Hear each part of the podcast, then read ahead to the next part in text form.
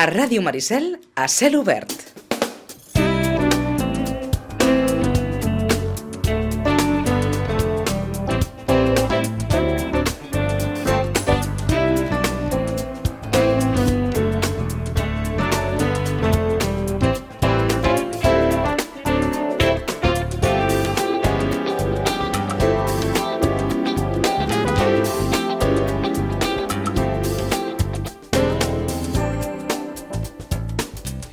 Espera, com els havíem dit sempre, d'aquestes novetats que han d'arribar a final de mes, principi del mes de setembre, capitalitzades totes per el nou llibre d'Ildefonso Falcones, el que ha de ser la continuació d'aquella catedral del mar que va vendre tant i tant i tant fa uns quants jordis d'això.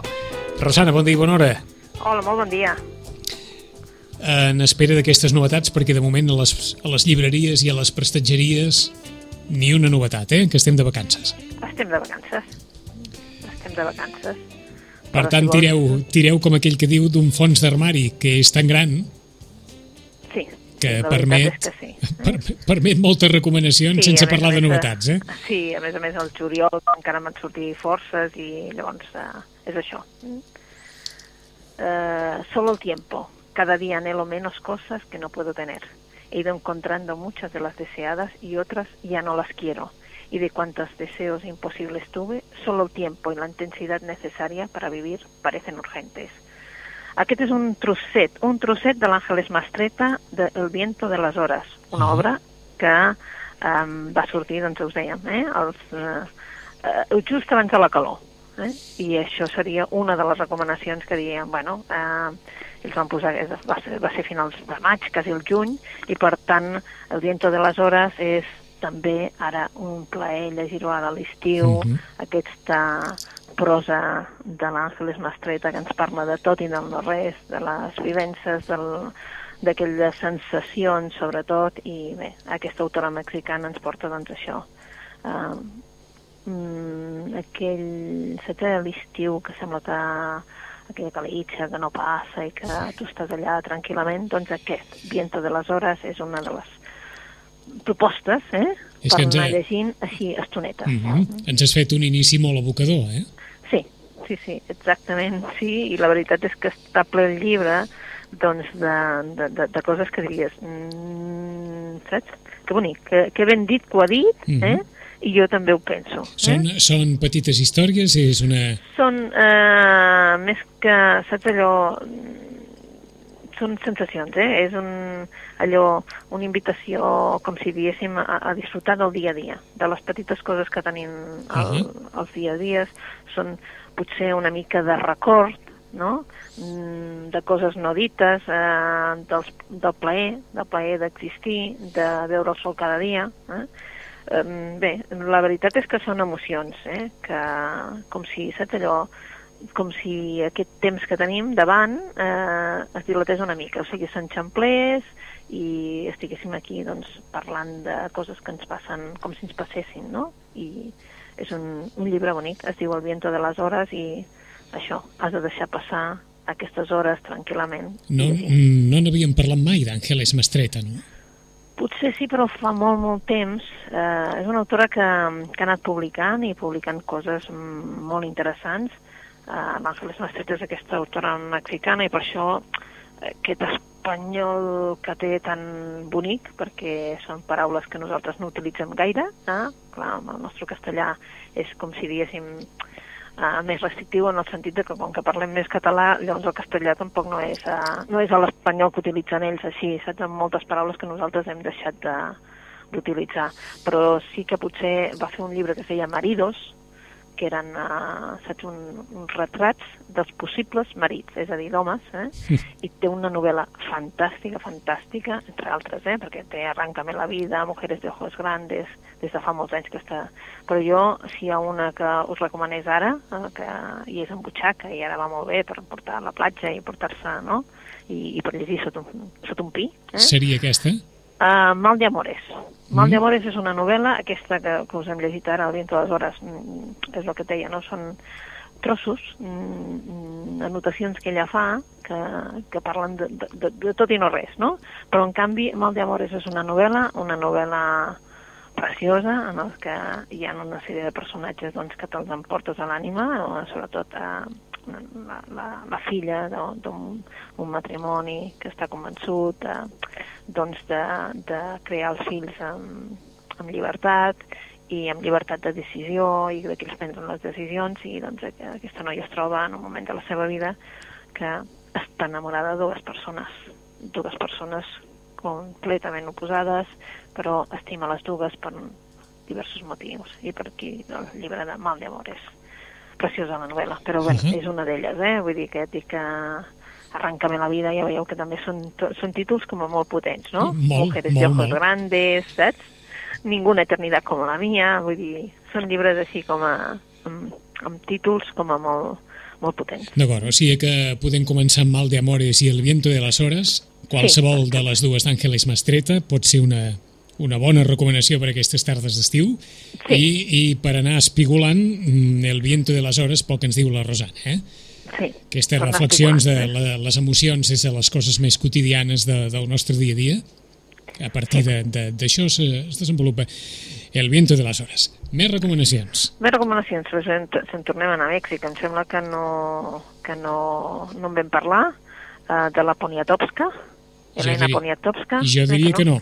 Bé, perquè aquesta també és una de les últimes novel·les que va sortir abans de, de, de l'estiu i aquesta també és una, una novel·la perquè van ser sí, finals de juny, començaments de juliol, ens va arribar dos veces única i ja en només uh, un mes ja porta dues edicions. Dos veces única, um, ja veieu que surt molta més cosa en castellà que en català. Uh, quan passa Sant Jordi ja sembla que, saps, en català anem més lents en treure coses. És com si haguéssim, Perquè com, esperem- com si haguéssim fet el cupo, eh, Rosana? Sí, sí, sí, sí. I llavors ens esperem al setembre, saps? Eh, per treure tota la bateria de coses. Eh? Uh, doncs l'Helena Poniatowska, uh, aquesta sí que eh, va ser Premi Cervantes, aquesta potser la gent ja doncs, li sona molt més perquè fa cosa de potser 3 anys o així devia ser Premi Cervantes. Eh? I ens parla de dos personatges, dos veces única, ens parla de dos personatges uh, importants. Mm? Clar, si diem Mèxic, diem pintors i tal, tothom dirà Diego Rivera. Eh? Sí. Doncs bé, eh, Diego Rivera no és ben bé el personatge, però sí la seva primera dona, la Lupe Martín. La Lupe Marín era una dona doncs, d'aquelles... Doncs, sembla que el Diego Rivera no es devia casar amb ningú, no devia estar amb ningú que no tingués una personalitat molt forta, perquè ja que el tenia molt fort a ell, doncs havia de ser també la persona que estigués al costat o molt forta o, o morir en l'intent, no? I O la sigui Lupe que Marín... Lupe Marín va ser la- l'antecessora de Frida Kahlo.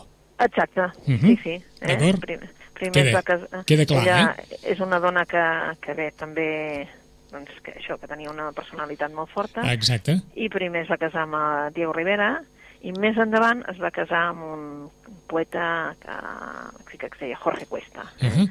Però, clar, ell va ser, ella va ser, doncs bé, Diego Rivera en aquell moment doncs, tenia moltes connexions, tenia molts amics, i, i ella, la, la Lupe Marín, doncs, va ser també doncs, testimoni d'aquestes vides mm, que van formar part de, de l'art mexicà de, del segle XX. Eh?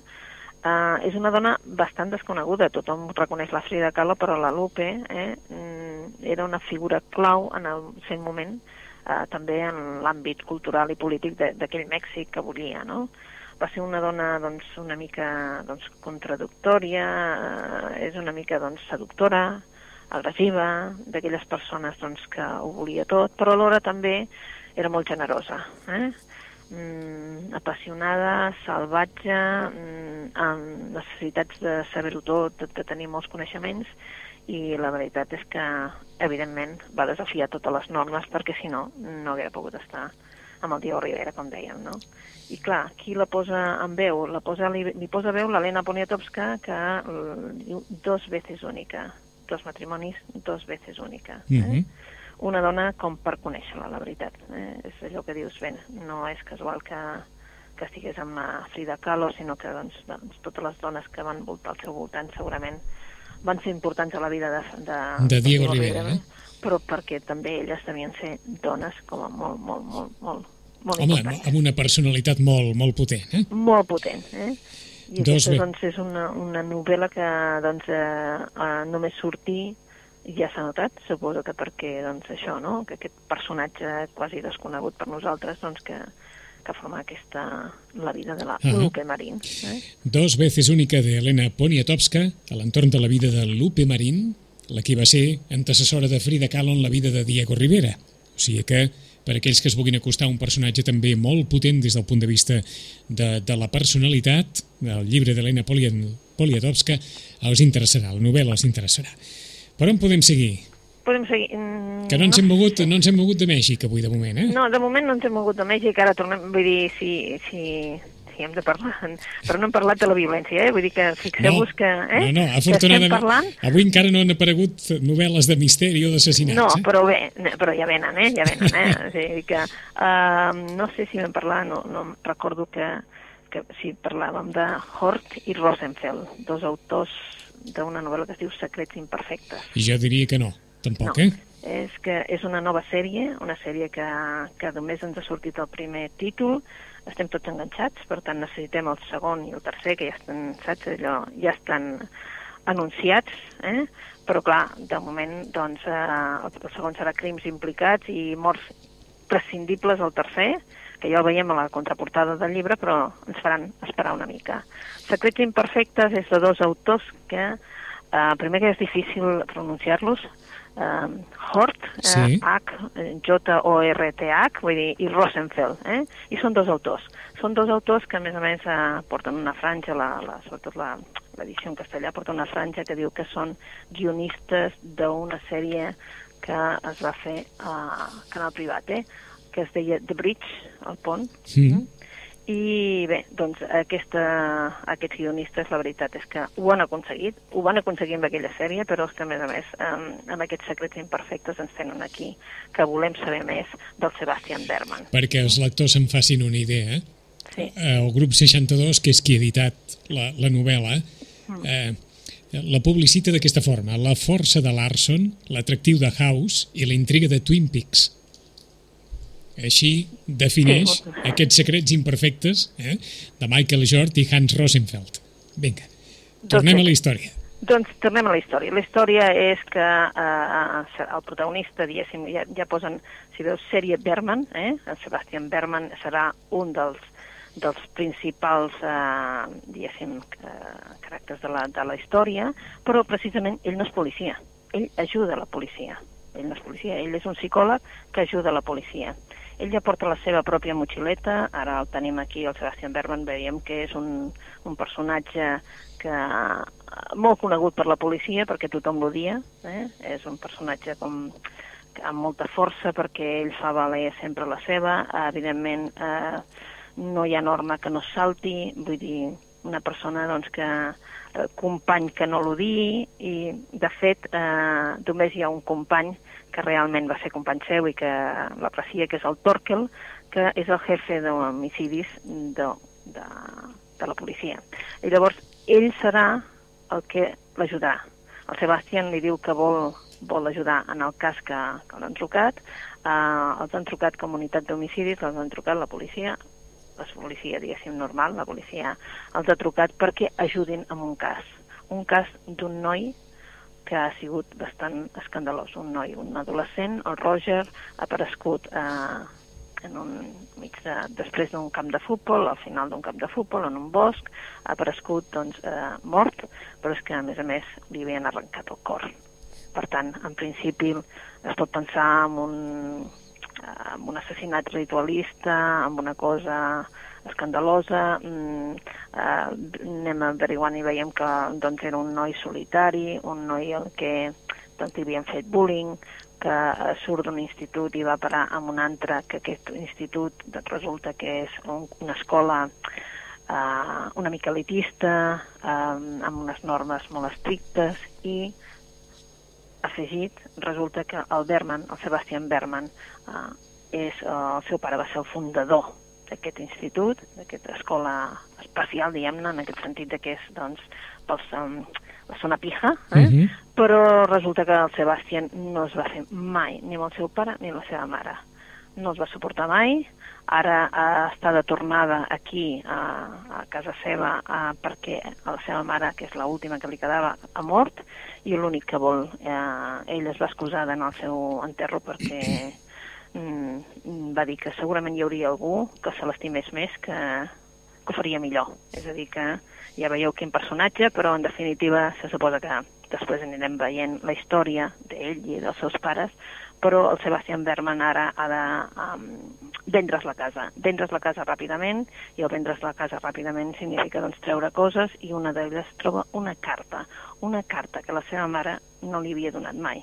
Una carta en la que hi ha una noia que resulta que va quedar embarassada, per lo que ell entén, d'ell, del Sebastian, i sa mare li va amagar. Li va dir que no sabia on trobar-lo, i per tant Mm, ara ell està entestat en trobar aquesta persona i per això li demana al Torkel que l'entri en aquesta unitat d'homicidis per tal d'ell fer la seva i anar buscant aquesta noia, aquesta persona, perquè clar, no sap on trobar-la. Uh Mhm. -huh. Llavors, anar buscant. Ell eh, fa servir tothom per les seves eh, eh, per les seves necessitats, però sí que és veritat que eh, serà una peça imprescindible en la unitat d'homicidis. O, o sigui que, però el necessiten. o, o sigui que una investigació serà l'excusa per la investigació del propi Sebastian Berman. Exacte. Eh? Vull dir, ell d'afegir-se amb això, que evidentment eh, tot l'equip el té en contra perquè no el suporten, Sí. vull dir, els que el coneixen eh, no el suporten i els que no el coneixen tenen referències dels altres, en la qual queda tothom així una mica bocabadat quan el jefe diu que ve el Sebastián a ajudar i la veritat és que ell, evidentment, sempre té aquella lògica com a psicòleg, com a persona que està fora, que va doncs, fent els seus anàlisis i quan ells sembla ja que ho tenen clar, ell els hi destrossa tot i els hi diu això no pot ser per això i per això, no? I fa que tu estàs en la novel·la que dius mm, en necessito més, en necessito més, i al final doncs acabes la novel·la que dius, bueno, quan surt l'altra, eh? doncs per això, Mm. secrets imperfectes. Pre precisament parlant de- d'aquestes novel·les d'èxit, eh, eh, he llegit una terminologia o un, un acrònim que, que no sé, suposo que és d'aquests que està de moda ara, que és un cliffhanger. Cliffhanger? Sí. Mm, en, en aquesta terminologia no ho sé. Doncs, en aquesta, eh, en aquesta eh? Ho dic eh? perquè Sí, sí. una nota promocional eh, eh, Sí. diu literalment el desenllaç de la història de Berman, qui protagonitza un cliffhanger majúscul que deixa el lector esperant el següent llibre. I, i m'he suposat que era un d'aquests acrònims que tantes vegades ens comenta Rosana, que, que Sí, s'utilitzen jo que- per, per promocionar i dic, ja no sé si això és nou o ja, o ja feia temps que es parlava bueno, d'això. no, vull dir, saps? Vull dir, clar, cliff eh, sí que sabem el que és, o sigui, les dues paraules eh, eh, Ah, sí per que sabem el separat. que és, però, però no, no, encara Ah. no, no ho sé aquest, saps? Vull dir, perquè clar, cada dia és el que dèiem l'altre dia, ara se li diu domestic noir, i tu dius, bueno, mm, saps? Eh, cada dia en surt Per- una de paraula, per això t'ho deia, algú eh? s'inventa alguna cosa, doncs ara ho buscaré això, en, eh? a veure Per- quin diu sí que és sí. un cliffhanger. Eh? Exacte, si en el teu cistell pots buscar cliffhanger i en el món literari ara, ara per ara què significa, mm, Què doncs eh, significa? No, més que res en la promoció per del llibre. per què li diuen això, saps? O sigui, clar, eh, per què li diuen Ahà. això, eh? Suposo Doncs, que és això, no? En qualsevol cas, la novel·la és una novel·la intensa, secrets imperfectes, Sí. eh? eh la primera de la sèrie de, de Sebastian Berman, psicòleg que ajuda la policia, però una policia que no el té pas amb massa consideració, i a partir de la investigació de l'assassinat d'un noi a qui li treuen el cor, hi ha una, una investigació en la vida personal de, de Sebastian Berman que cavalca també en, en la novel·la. Hem entrat, per tant, en l'àmbit del, del misteri, de les novel·les de misteri. Per on seguim? Doncs bé, potser podríem seguir, però una en català, no sé si em sembla que no vam comentar, la de l'Estel Soler, No? no? Que diu Si no puc volar. És, és curiós també, és el que dèiem, l'Estel Soler, eh, doncs bé, poeta, actriu, dramaturga...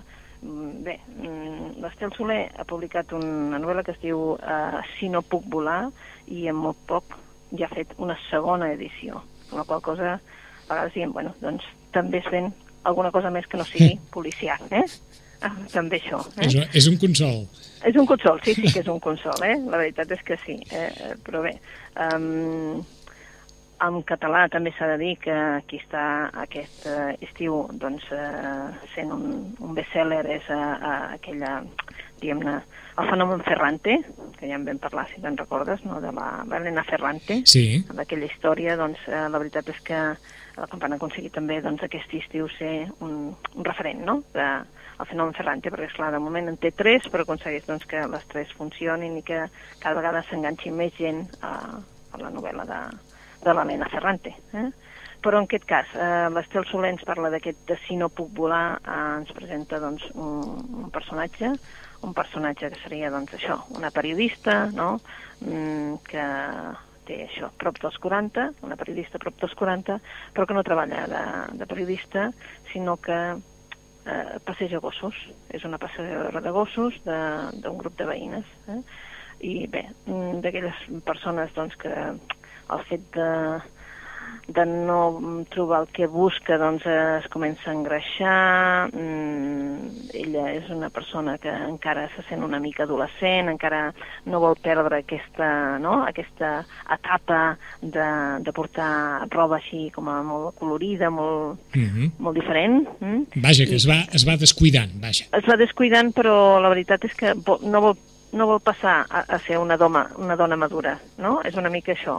La seva vida està una mica descabellada, per dir-ho d'alguna manera, eh? Vull dir que eh, s'ha divorciat, eh, mm, s'ha divorciat, però per, potser una mica ella sent que ha sigut per aquest problema de, de, de no poder tenir criatures, i, i la veritat que al final se'n va casar de l'avi.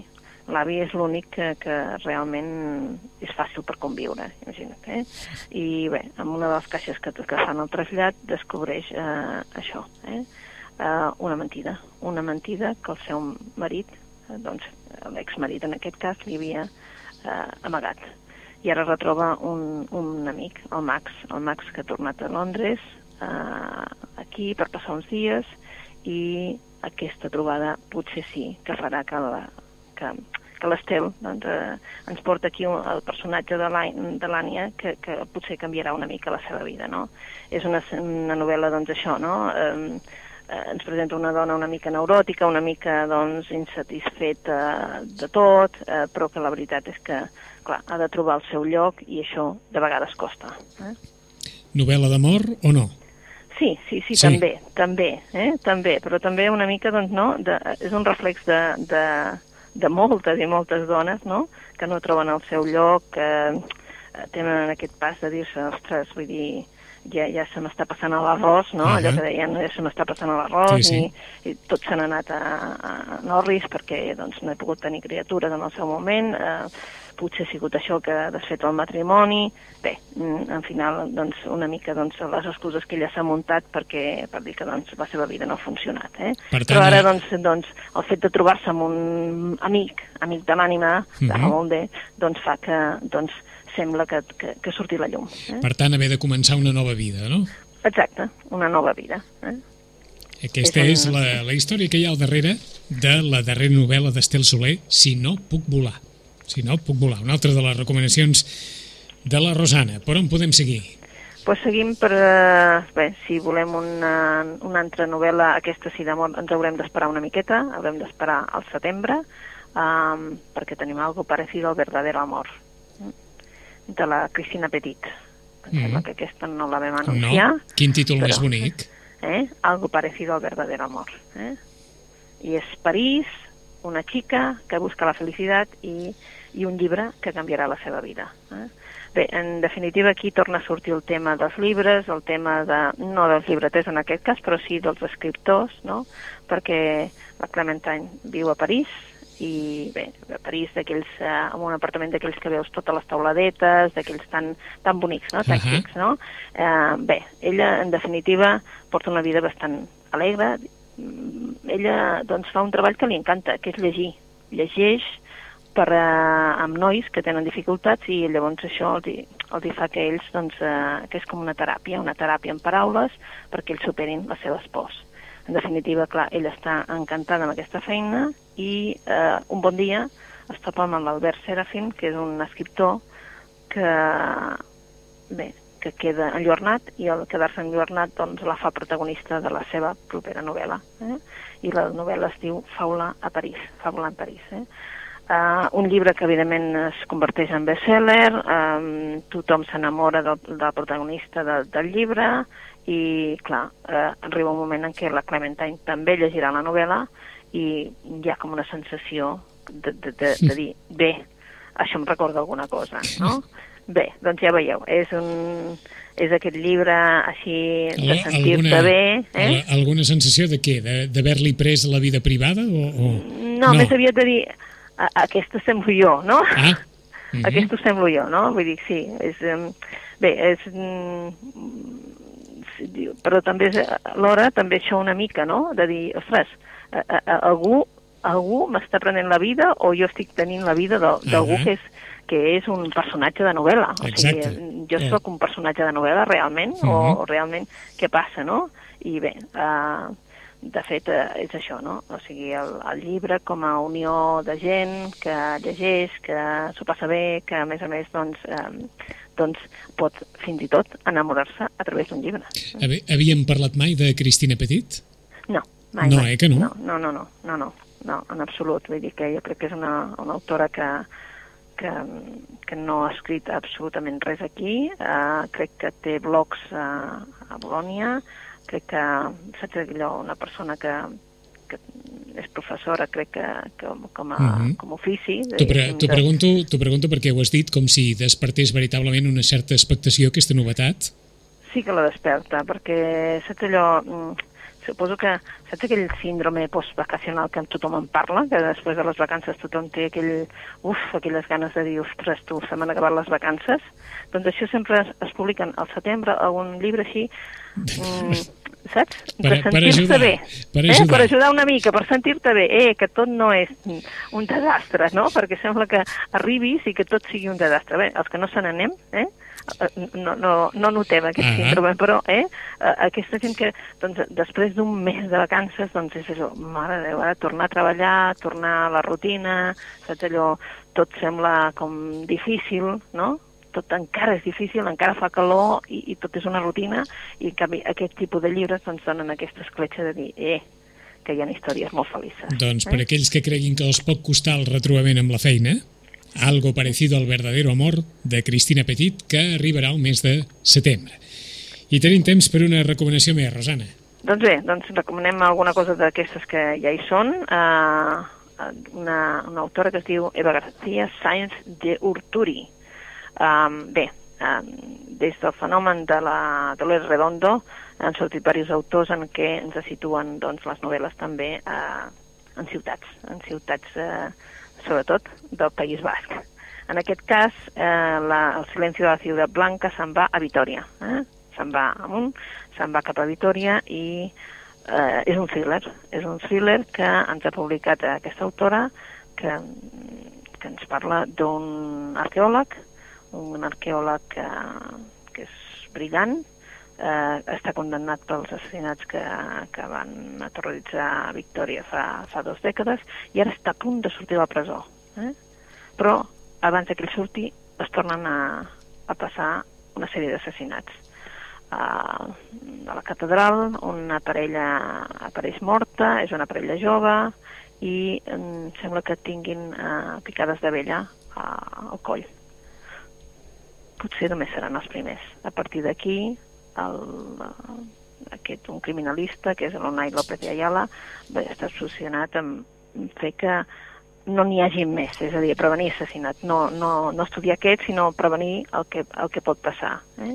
I bé, um, a partir d'aquí, els seus mètodes, doncs, uh, hi haurà una subcomissària, que és l'Alba, que la posen dels nervis total, perquè seria com un Sebastián Berman, o sigui, ell va a la seva i va marcant una mica, i llavors, doncs bé, a partir d'aquí tenim un thriller que ens pot encantar, és una novel·la d'aquelles que també ens presenta una Vitòria també plena de mitologia, de llegendes, de coses que la gent diu però que, que podrien ser veritat o no, i en definitiva és una novel·la per passar l'estona.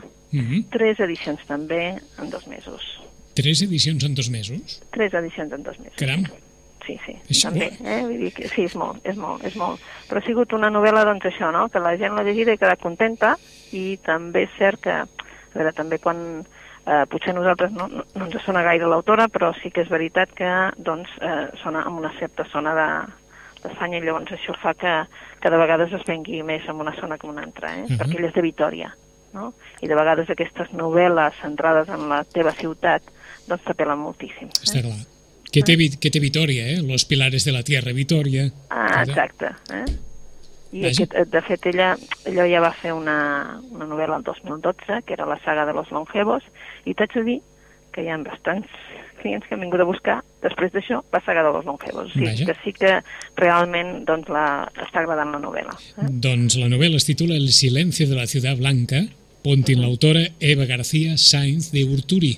D'Urturi, ella, sí. ella és I- l'autora d'aquesta novel·la que està sent un èxit de, de vendes en els, en els darrers mesos. Comencem per aquí, qui vulgui misteri, avui la Rosana ens ha portat aquest títol, El silencio de la ciudad blanca, però també Secrets imperfectes, la novel·la de Michael Hort i Hans Rosenfeld, aquesta història partida, aquest psicòleg que ajuda la policia però és mal vist pel cos, Sebastian Berman, que a partir de l'assassinat d'un noi a qui li han extret el cor fins i tot, mm, ell introduirà una investigació personal a l'entorn de la seva pròpia vida.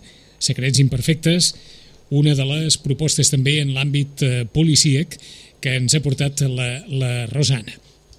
Si no puc volar, d'Estel Soler, aquesta història d'una periodista de 40 anys que es dedica ara a passejar gossos per un, per un grup de veïns que, que té una vida descuidada, que en definitiva creu que, que no està trobant el seu lloc a la vida i els anys van passant, fins que en el trasllat cap a casa del seu avi on anirà a viure, troba enmig de les caixes una mentida del seu exmarit i per altra banda les circumstàncies de la vida fan que un amic torni de Londres i aquest amic sigui qui li canviarà la vida. Haver de començar de nou en el rerefons d'aquesta novel·la de l'Esteu Soler, poeta, dramaturga, actriu, si no puc volar. Ens ha portat també la Rosana, dues obres d'una autora mexicana amb molt d'èxit i molt reflexiva, o molt de, de petites reflexions, de frases d'aquelles que ajuden a, a passar la vida. Per una banda, El viento de les hores, una novel·la, una obra que ajuda doncs, això a reflexionar sobre aquells petits gaudis quotidians que ens poden portar molts moments del dia, i una altra, mm, una història de dos amors titulada Mal de Amores. Ella és Àngeles Mastreta, autora també que ens recomana molt la Rosana. Qui vulgui conèixer la vida de Lupe Marín, una de les figures claus en l'àmbit cultural mexicà del segle XX, contradictòria, generosa i dona molt influent, que va ser la primera dona de Diego Rivera, que després es casaria amb Frida Kahlo, ha de llegir Dos veces única, de Elena Poniatowska. Llibre també que porta dues edicions, que està sent un llibre molt venut i, i apreciat. Són les recomanacions que ens porta la Rosana d'aquí 15 dies, quan estiguem ja a les portes del mes de setembre, farem un repàs a les novetats que estan a punt d'arribar. Rosana, bona lectura. Molt bona lectura fins d'aquí 15 dies. Fins d'aquí 15 dies.